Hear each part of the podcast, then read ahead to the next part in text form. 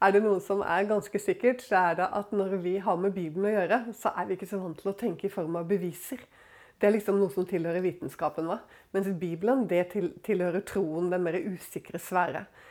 Ingenting kunne vært lenger borte fra sannheten. Fordi at Guds ord er sannhet. Og nå skal vi gå til sted i eh, Johannes evangeliet.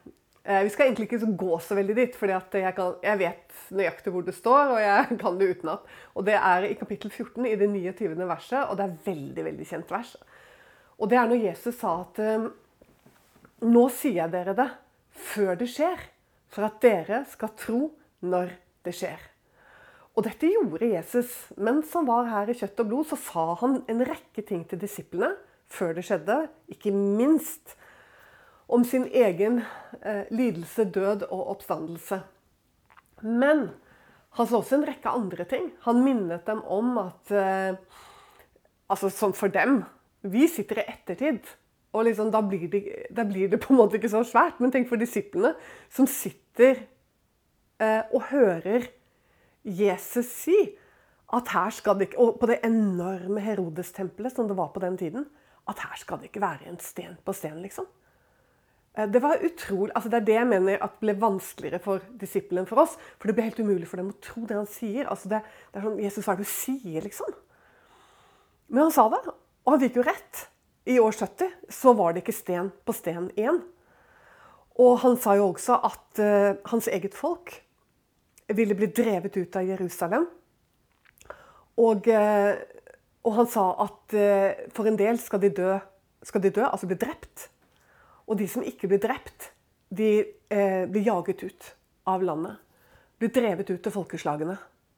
Og dette skjedde jo mellom år, år 70 eh, og år 135. Og til slutt var det ikke én jøde igjen i de jødiske områdene, i Judea og i Samaria og i det vi gjerne kaller Israel. Var ikke én. Så dette her liksom Så tenker man at ja, det var liksom noe som var spesielt for Det nye testamentet. At eh, ja, det var jo veldig mye profetier som var knyttet til Jesus. Eh, og dette har jeg snakket om i mange andre taler som du kan høre på, på nettet. Men det vi kanskje ikke tenker så mye på, er jo at dette her er grunntonen i, gjennom eh, så å si alle profetene. Altså, det er jo egentlig grunntonen i alle profetene. For det, det er jo det som liksom også Eh, først og fremst kjennetegner en profet. Ikke bare at han taler formaning til folket, men at eh, profetene uh, talte, hørte fra Gud, talte det som skulle skje, før det skjedde, med den hensikt å tro når det skjer. Og det finnes ti kapitler hos profeten Jesaja mellom kapittel 40 og kapittel 50. De ti kapitlene der er full av dette. Og da er det litt sånn liksom, at Gud på en måte troner litt. da. Altså Det er måten eh, Jesaja ordlegger seg på, altså hvilke ord Gud legger i munnen på ham, som er liksom sånn Hvem andre sånn, kan gjøre disse ting? Slik at Gud viser at han bruker Han bruker det å si det før det skjer, som bevis på at han er Gud. Altså, For Gud er det, det er de bevisene vi får på at han er Gud, og at ingen andre kan det. Og Derfor er det litt så morsomt, fordi du vet at det er jo en del sånn innenfor det alternative. Uh, og ikke minst da, det første vi tenker på, er jo astrologien. Og den er jo eldgammel. Det var jo også på gammeltestamentlig tid. Og Derfor var dette så viktig òg. For det står jo i Mosbøkene flere ganger dette at man ikke skal spå. Sånn, av stjerner og sånn, ikke gå til trollmenn. For det, det var jo det folk gjorde da, for fordi de, fordi de, var engstelige, de var redde. Hvordan skal det gå? Sant? De ønsket å få vite om framtiden. De ønsket noen som kunne tyde, lese framtiden for dem. Og, og, det er jo masse av dette i dag òg. Om det er altså, holdt på å si, rett frem at man går til spåkoner, men hvor mange er det ikke som sitter og leser sånne unnskyld at jeg sier det, tåpelige horoskoper? Og, det stå, og, det er jo det, ikke sant? at det står i stjernene. Eller at du kan spå i kaffegruten. Alt dette her da, som mennesker har holdt på med i årtusener for å ha kontroll. For å, for å liksom tenke hvordan de skal handle, hva de skal gjøre. Og, og det er litt sånn spennende at i, i fjerde Mosebok, når Biliam profeterer eh, denne her spesielle profeten Men det han sier, er jo, er jo veldig korrekt og sant. Fordi han klarte ikke, selv om han var en, en profet, pent sagt med mer enn et delt hjerte uh, Han var egentlig en utrolig dårlig profet, og som har blitt med inn i Det nye testamentet som som virkelig liksom elende over all elende. Fordi hans hjerte var overhodet ikke helt med Gud. Men i dette tilfellet, hvor han drar for å forbanne Israel og ikke klarer å gjøre noe annet enn å velsigne, og bare klarer å si de ordene Gud legger i munnen på han, fordi Gud gjør dette for å beskytte folket sitt, så eh, er det jo viktig å legge merke til hva han sier, for han taler jo virkelig Guds ord. Og Der sier han bl.a. at det finnes ikke, står det i min 1930-oversettelse. Det er litt morsomt, men det er ikke helt korrekt oversatt. da. Men der står det det finnes ikke tralldom eller besvergelser i Israel. Når tiden er der, vil Gud si til Israel hva han skal gjøre. Altså hva Gud skal gjøre. Og det er så bra! Og jeg liker så godt den oversettelsen. Men, men, og den er jo kanskje litt vanskelig å oversette akkurat denne passasjen, siden man er litt så tydelig uenige da, i ulike oversettelser. Men OK, uansett så er jo dette sant. Uh, og Derfor er det også sånn det der at du ikke skal ha andre guder enn han. Det er jo liksom det første budet av de ti bud. Vi, fordi Gud alene, uh, den, som den eneste, kan si nøyaktig hva som skal skje, før det skal skje. Det er ingen andre som kan det. Det er løgn. Og det er de ti kapitlene i Jesaja. Det er liksom bare sånn Gud bare Det kommer hele tiden, da. Eh, i forskjellige. Og nå skal jeg bare gi deg ett eksempel først, fra Jesaja 46. Og så skal vi gå liksom til det som virkelig er aktuelt for vår tid. Hva han har forutsagt. Eh, flere ting som gjelder med vår tid, fordi vi lever i endetiden. Og da er det mye profetier som går i oppfyllelse, både fra Gamle og Nytestamentet. Men eh, det er også spesifikt når det gjelder hans eget folk. Men nå skal jeg bare gi deg et eksempel fra disse ti kapitlene hos profeten Jesaja. Og det er i eh, Det er i kapittel ja, altså kan, vi kan egentlig, Det var ikke her jeg skulle begynne, men vi kan godt ta det òg, for nå dukket det bare opp. liksom. De ting som er forsynt tidligere, se, de er kommet. Sånn. Og nå forsyner jeg nye ting. Før de spirer frem, lar jeg dere høre om dem. Altså det er sånn, dette er sånn typisk språk da, fra denne delen av, av, av Jesaja. Men jeg vil det til kapittel 46, eh, tiende verset, så står det Jeg som fra begynnelsen forkynner enden. Tygg litt på den. Og fra fordums tid det som ikke har skjedd. Jeg som sier mitt råd skal bli fullbyrdet. Og alt det jeg vil, det gjør jeg.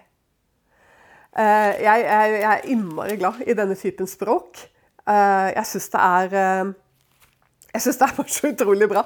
Og du finner masse av det her. Altså, og det er jo her også, hvis du går til en tale som nå egentlig henger litt sammen med denne, som, er, som heter 'Gud beviser'. og der, der, der, går jeg veldig inn i dette fra kapittel 45 med Kyros og sånn, og det er jo også midt her i Jesaja. Men det vi skal gjøre nå, er at vi skal gå til eh, Jesaja 43. Og, og her, du sånn, her er Gud sånn supertydelig på hva han kommer til å gjøre med sitt eget folk. Og tenk nå på det jeg leste fra, 46, fra 46, kapittel 46. Dette at jeg er den som fra fordums tid ikke sant? og fra begynnelsen forkynner enden. Jesaja levde for 2700 år siden. Så det er liksom ikke noe big deal eller noe ukjent at han skulle forkynne om vår tid. Og det som har skjedd med hans folk allerede nå siden slutten av 1800-tallet, hvordan de strømmer tilbake til landet sitt. Og det står det masse om. Altså, jeg vil vel nesten si at det står så nær som, ikke alle, men hos nesten alle profetene om dette her. Så tenker kanskje du at ja, men kan ikke det også? For vi vet jo at jødene ble jo også drevet bort fra landet en gang før. Og da var det vel også profetier om at de skulle komme tilbake til Babylon. Dette skjedde på 500-tallet før Kristus. Ja, det er helt riktig. Og det er veldig nøyaktige profetier om det. Til og med så nøyaktig at Jeremia fikk vite hvor lenge eh, babylonerne skulle herske over dem, nemlig 70 år. Og det, er, det kan du lese hos profeten Jeremia kapittel 25. Det er, det, er, sånn typisk Og er det noe man vet, da? Altså Dette vet man. At Jeremia døde i løpet, må ha dødd i løpet av de første tiårene av det babylonske fangenskapet. Sånn at eh, det er umulig at det er skrevet etterpå. og liksom sånn, Ja, liksom om 70 år. Skjønner du? Eh, det er historikerne som skriver ting i ettertid. Gud med sine profeter skriver ting i fortid for at vi skal vite at han er Gud. Så han sa dette til Jeremia for at Jeremia kunne skrive ned det. Og hos Esra så står jo dette, uh, nemlig at i det første år av kong Kyra sin regjeringstid For at det ord han hadde talt til profeten Jeremia skulle oppfylles, så, uh, kommer han da og skaper slike tanker, står det. Og det syns jeg er så bra oversatt. Kommer og gir slike tanker til denne eh, persiske kongen at han vil da frigi, frigi folkene i Babylon. Så du, Bibelen er jo da full av uh, disse fantastiske eksemplene. Det er, liksom, det er, det er hele tiden. Og, og vi, eh, jeg sa jo til deg at Jesaja 43, da. Og, og, her er det så interessant. fordi at så kan du si det at ja, men det kan jo ha vært Babylon, det òg. Nei, det er det det ikke kunne vært. Fordi at det som kjennetegner Og nå må du merke deg Både ser du dette spesielt hos Jeremia, og du finner hos Amos og Jesekel men mye hos Jesaja òg. Det er dette at han samler dem alle sammen. Og det som kjente det babylonske fangenskapet, var bare at mindretallet kom tilbake. Flertallet av det jødiske folk på den tida ble igjen ute i nasjonene. De kom aldri tilbake eh, etter at det ble mulig å reise fra det babylonske fangenskapet. For vær klar over at du vet at Nordriket Det var jo Juda riket som ble tatt til Babylon. Og Nordriket, de ti stammene, var jo allerede tatt 150 år før til asyrerne og spredd rundt omkring. Sånn at eh, vel, altså, majoriteten kom aldri tilbake. De ble igjen ute i nasjonene og er der til denne dag. Og det spennende er jo at det kommer jo eh, Det er jo kommet grupperinger til Israel som er nettopp slike. Som ikke forsvant når romerne gikk til angrep mellom år 50 og år, 100, nei, år 70, år 70 og år 135 og spredde dem ut til alle nasjoner. Ik ikke de. Men som var spredt ut allerede, altså da eh, under det babylonske fangedømmet, og før det til det eh, asyrerne. Sånn at eh, det som kjennetegner når de skal hjem fra folkeslagene, det er at alle skal hjem. Altså, han skal, liksom bare, han skal hente jødene fra nord, syd, øst og vest. Og hos noen så står det liksom at eh, 'jeg lar ingen bli igjen der ute'. Det er det som kjennetegner den siste samlingen av hans folk. Og vi er midt i det. Fordi at nå er ca. halvparten av jødene vendt tilbake, mens halvparten er fortsatt ute i nasjonene. Man regner med sånn ca. 7 millioner jøder, cirka, tror jeg. Det går jo så fort, dette her, så det, jeg håper jeg sier rett. Jeg tror det er sånn ca. 7-8 millioner nå i Israel. Og så er det vel en ca. 7 millioner igjen, omtrent, ute i nasjonene. Så vi er midt i det. Så la oss gå nå til Jesaja 43 og så se hvordan Gud uttrykker seg gjennom profeten i dette kapittelet. Og hør. Frykt ikke. Jeg er med deg. Fra øst vil jeg la din ett komme, og fra vest vil jeg samle deg. Jeg vil si til nord, eller Norden, gi dem hit. og, og, og til syd, hold dem ikke tilbake. La mine sønner komme fra det fjerne, og mine døtre fra jordens ender. Du, eh, jeg bare stopper der. Eh, dette er liksom eh, tonen igjennom Jesaja 43. Og eh, igjennom, som jeg sa, disse ti kapitlene. Dette er bare enda et eksempel. Liksom, Si til Norden, gi dem hit! Liksom, hold dem ikke tilbake. Liksom Han bare befaler, på en måte, når tiden er der, at de skal slippes, og de skal reise, og de skal hjem. Og så står det i det tiende verset Dere er mine vitner, sier Herren, som jeg har utvalgt, for at dere skal kjenne og tro meg og forstå at jeg er Gud. Før meg er ingen Gud blitt til, og etter meg skal det ingen komme. Og dette også gjentas igjennom mange kapitler. Altså, Han viser at han gjør altså at, Vent litt.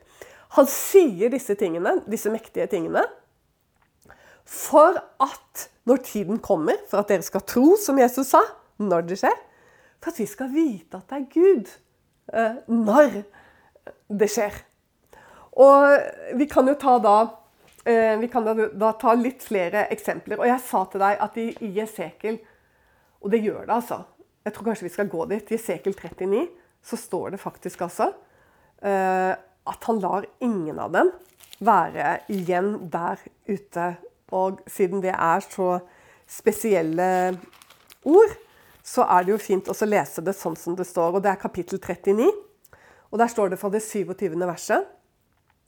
Når jeg fører dem tilbake fra folkene og samler dem fra deres fienders land, og åpenbarer min hellighet på dem for de mange folks øyne, da skal de kjenne at jeg er Herren deres Gud.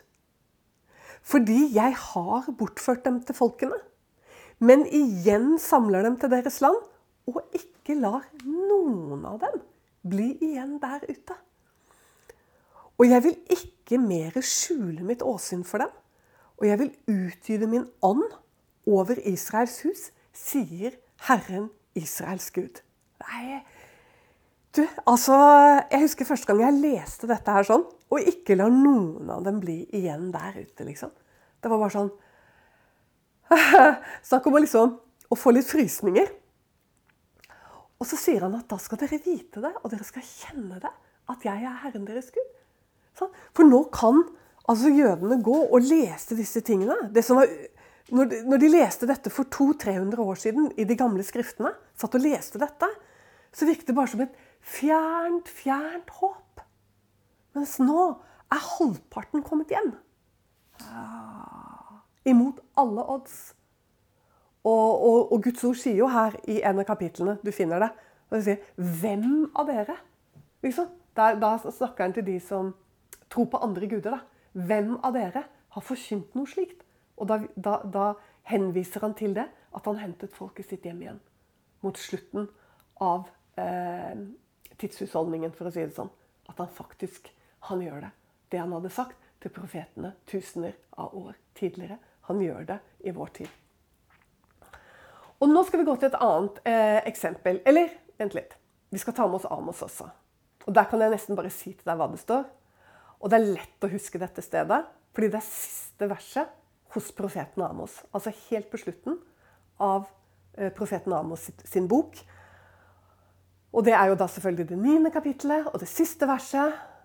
Og der står det at når han fører dem tilbake til fra, fra folkeslagene Og igjen, sier han, planter dem i deres land, så skal jeg aldri mer rykke dem opp igjen. Det er jo bare sånn. Da har, liksom, da har han egentlig lagt ned et bevis sant, på at jødene skal hjem for å bli. Fordi uansett om de jeg tenker sånn, Om de skulle da bli rykket opp igjen og bli spredd igjen, og, skjønner, så, er, så er det ikke over før Gud får sitt profetiske ord oppfylt. Fordi alt det jeg vil, det gjør jeg. Og det jeg har sagt, det oppfyller jeg. Sant? Det er Gud. Til og ikke den minste tøddel, slik Jesus sa det. Ikke den minste bokstav og ikke den minste tøddel skal få gå før alt er skjedd. Så det er så nøyaktig. Og det er hele, liksom, det er hele poenget at det er nøyaktig. Fordi det er Gud. Og fordi Gud og det han sier, det er 100% sant. Er det ikke gøy? At det er sånn Bibelen Det er jo liksom dette som er Bibelen. Det er jo dette som virkelig er den grunnvoll vi står i. da. Det er dette levende, sanne ord, som er denne klippen om himmel og jord forgår, skal aldri hans levende, sanne ord forgå. Sånn, nå la jeg til levende og sanne, men ordrett fra Bibelen så er det om himmel og jord forgår, så skal hans ord aldri i evighet forgå. Så dette er noe som du kan være helt, helt sikker på. Og det er at de skal aldri mer rykkes opp igjen. Hm. Det var noe å, å, tygge på for deg som kanskje er kristen og er sånn skikkelig ihuga eh, liksom sånn anti at det skal komme flere, og antisionist og alt sånn. Så bare vær klar over at uh, her, må du, her, må du, passe deg, for du kan risikere. Uh, sånn som denne rådsherren som advarte disse ypperste prestene sånn, som ville stoppe Peter og ville stoppe Johannes i det de forkynte i tempelet. Så sa pass dere, så dere ikke går imot Gud. ikke sant? Og, det, og jeg tenker, er det ett sted det er rett å si dette, så er det inni dette her sånn Pass deg, så du ikke går imot den levende Gud. For dette er hans ord. altså. Dette er sånn, eh, dette er sånn om himmel og jord forgår, så skal dette aldri forgå. Det, det blir oppfylt. Det var en liten sånn eh, minitordentale. ja. eh, men uansett, da. La oss ta noen flere eksempler. Uh, og da innenfor samme område, ikke akkurat på tilbakevendingen av folket, men egentlig så er det litt i konteksten, det også. Men det er Jesaja 41. Uh, og hele Jesaja 41 syns jeg du burde lese, fordi det er, en, det er et fantastisk kapittel.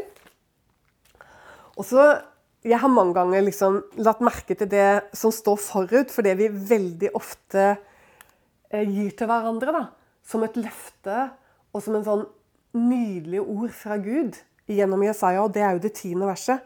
Frykt ikke, for jeg er med deg. Så det er Gud som taler til folket sitt, til det jødiske folk. Men alle hans løfter har fått sitt ja og sitt amen i Kristus Jesus.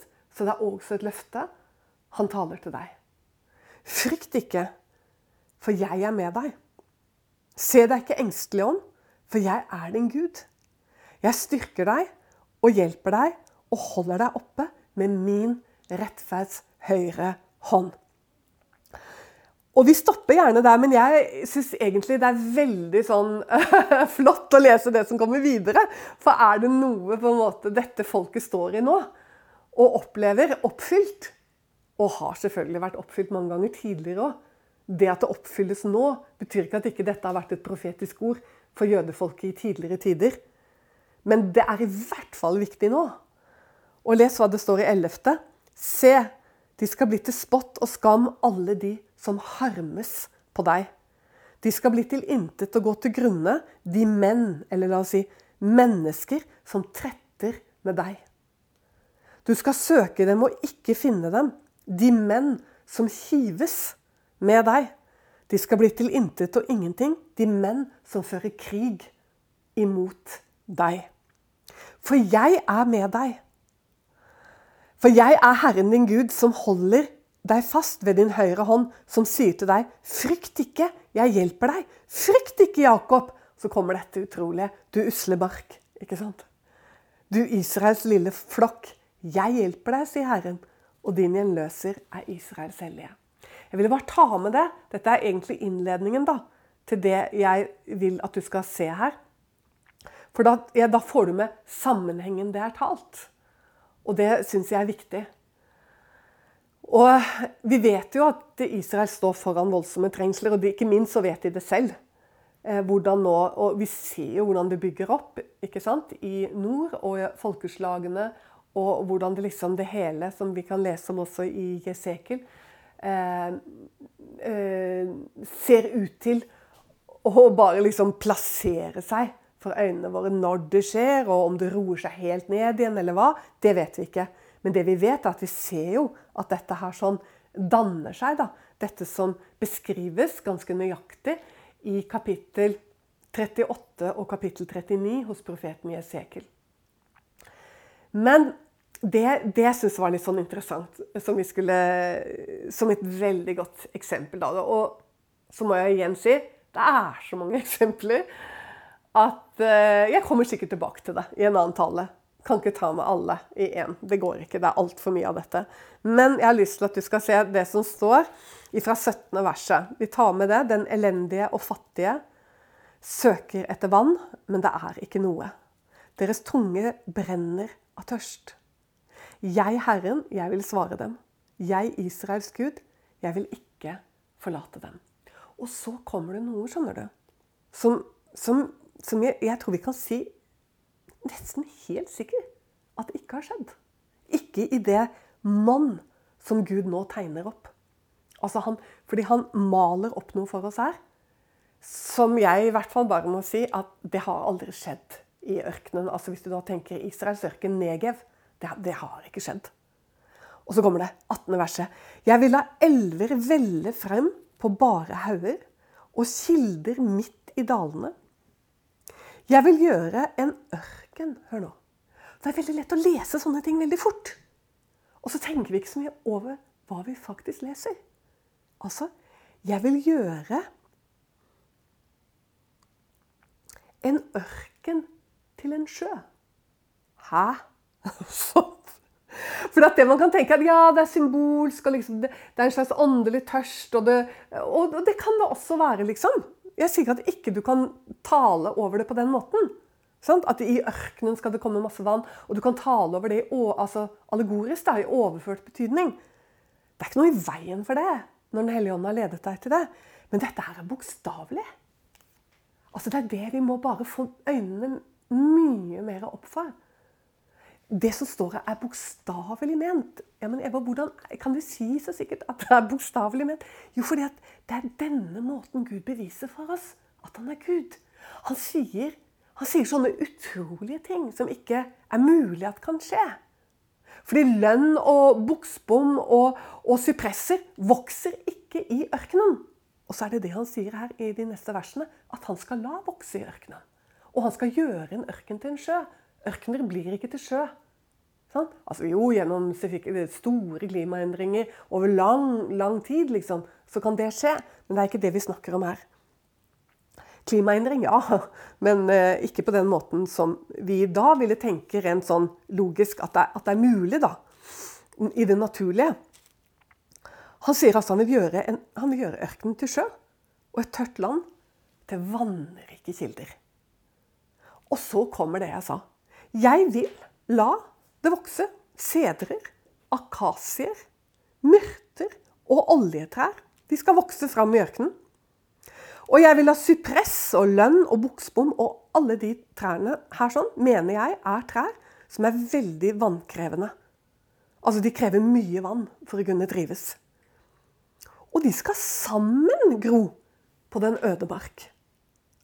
Og hvorfor vil du gjøre alt dette, da, Gud? Det kommer jo da selvfølgelig neste vers, for det er jo helt merkelig det han sier. Hvorfor gjør du dette, Gud? Jo, 20. verset. For at de alle sammen skal se og kjenne og legge seg på hjertet og forstå at det er Herrens hånd som har gjort dette, og Israels Gud har skapt det. Hør her. Altså, her kommer det igjen. Nå sier jeg dere det, som Jesus sa, før det skjer, for at dere skal tro når det skjer. Ikke bare tro, men for at du skal se, for at du skal kjenne, for at du skal vite at jeg er Herren. sant? Og det er ingen annen. Og, dette, og han gjør det på en sånn måte at det er, ingen, det er ikke noe annet svar enn at det er Gud. Og så da, så blir han jo da Eh, så kommer jo dette her som jeg sa, at han begynner liksom å trone litt mot de da, som går til avgudene. For han sier 'La dem nå komme'. Neste vers. Kom fram og kunngjør for oss hva som skal hende. Sånn. Kom igjen, fortell hva som skal hende. Fortell om framtiden. Spå nå. Kunngjør nå hva det er som kommer. Kunngjør hva det er dere tidligere har spådd. Så vi kan liksom legge merke til det, akte på det og lære om dets utfall. La oss få høre, gjentar han en gang til, om de tilkommende ting. Her er det rett og slett et eksempel på ironi. At Gud taler ironisk igjennom profeten Jesaja. Og det er jo ikke bare her. Salme 2 er jo veldig kjent for denne ironien. Men her får du den også. Og den kommer flere ganger i disse ti kapitlene. En ironi imot de som går til avgudene. For det er bare Gud som kan fortelle oss på forhånd hva som skal skje, for at vi skal tro når det skjer. Og da, dere, da har jeg lyst til å bare gå til andre Peters brev til slutt. Og minne deg bare om det. Fordi at der står det i det første kapittelet, og jeg mener det er fra det 19. verset og nedover, så står det nemlig noe som jeg syns er fint å avslutte med det. etter at vi har vært innom disse tingene, som er liksom grunnlaget i Bibelen. Det er jo derfor det også står sant, om Jesus at han er eh, Jesu vitnesbyrd er profetorets ånd. Ikke sant? Og i det andre Peters brev, i det 19. verset, første kapittel, så står det det at profetordet, sier Peter, det er viktig å legge merke til. Profetordet, det må du gi akt på. Sånn, det er ikke noe for de spesielt interesserte. Nei, han sier dess fastere har vi det profetiske ord. Hva mener han fastere enn hva? Jo, du må lese hele kapittel 1. For der står det nemlig hva han sammenligner det med. For han sammenligner det med at de hørte en røst fra himmelen som bekjente at Jesus var Guds sønn. Altså De hørte Guds røst si 'Dette er min sønn, den elskede'. ikke sant? Hør ham. Dette er det Peter har fortalt om før det 19. verset hos oss. Men, og Derfor så sier han 'men fastere enn om røster skulle tale'. Alle røster må prøves. Det er ordet som er klippefast. Det er det som aldri forgår.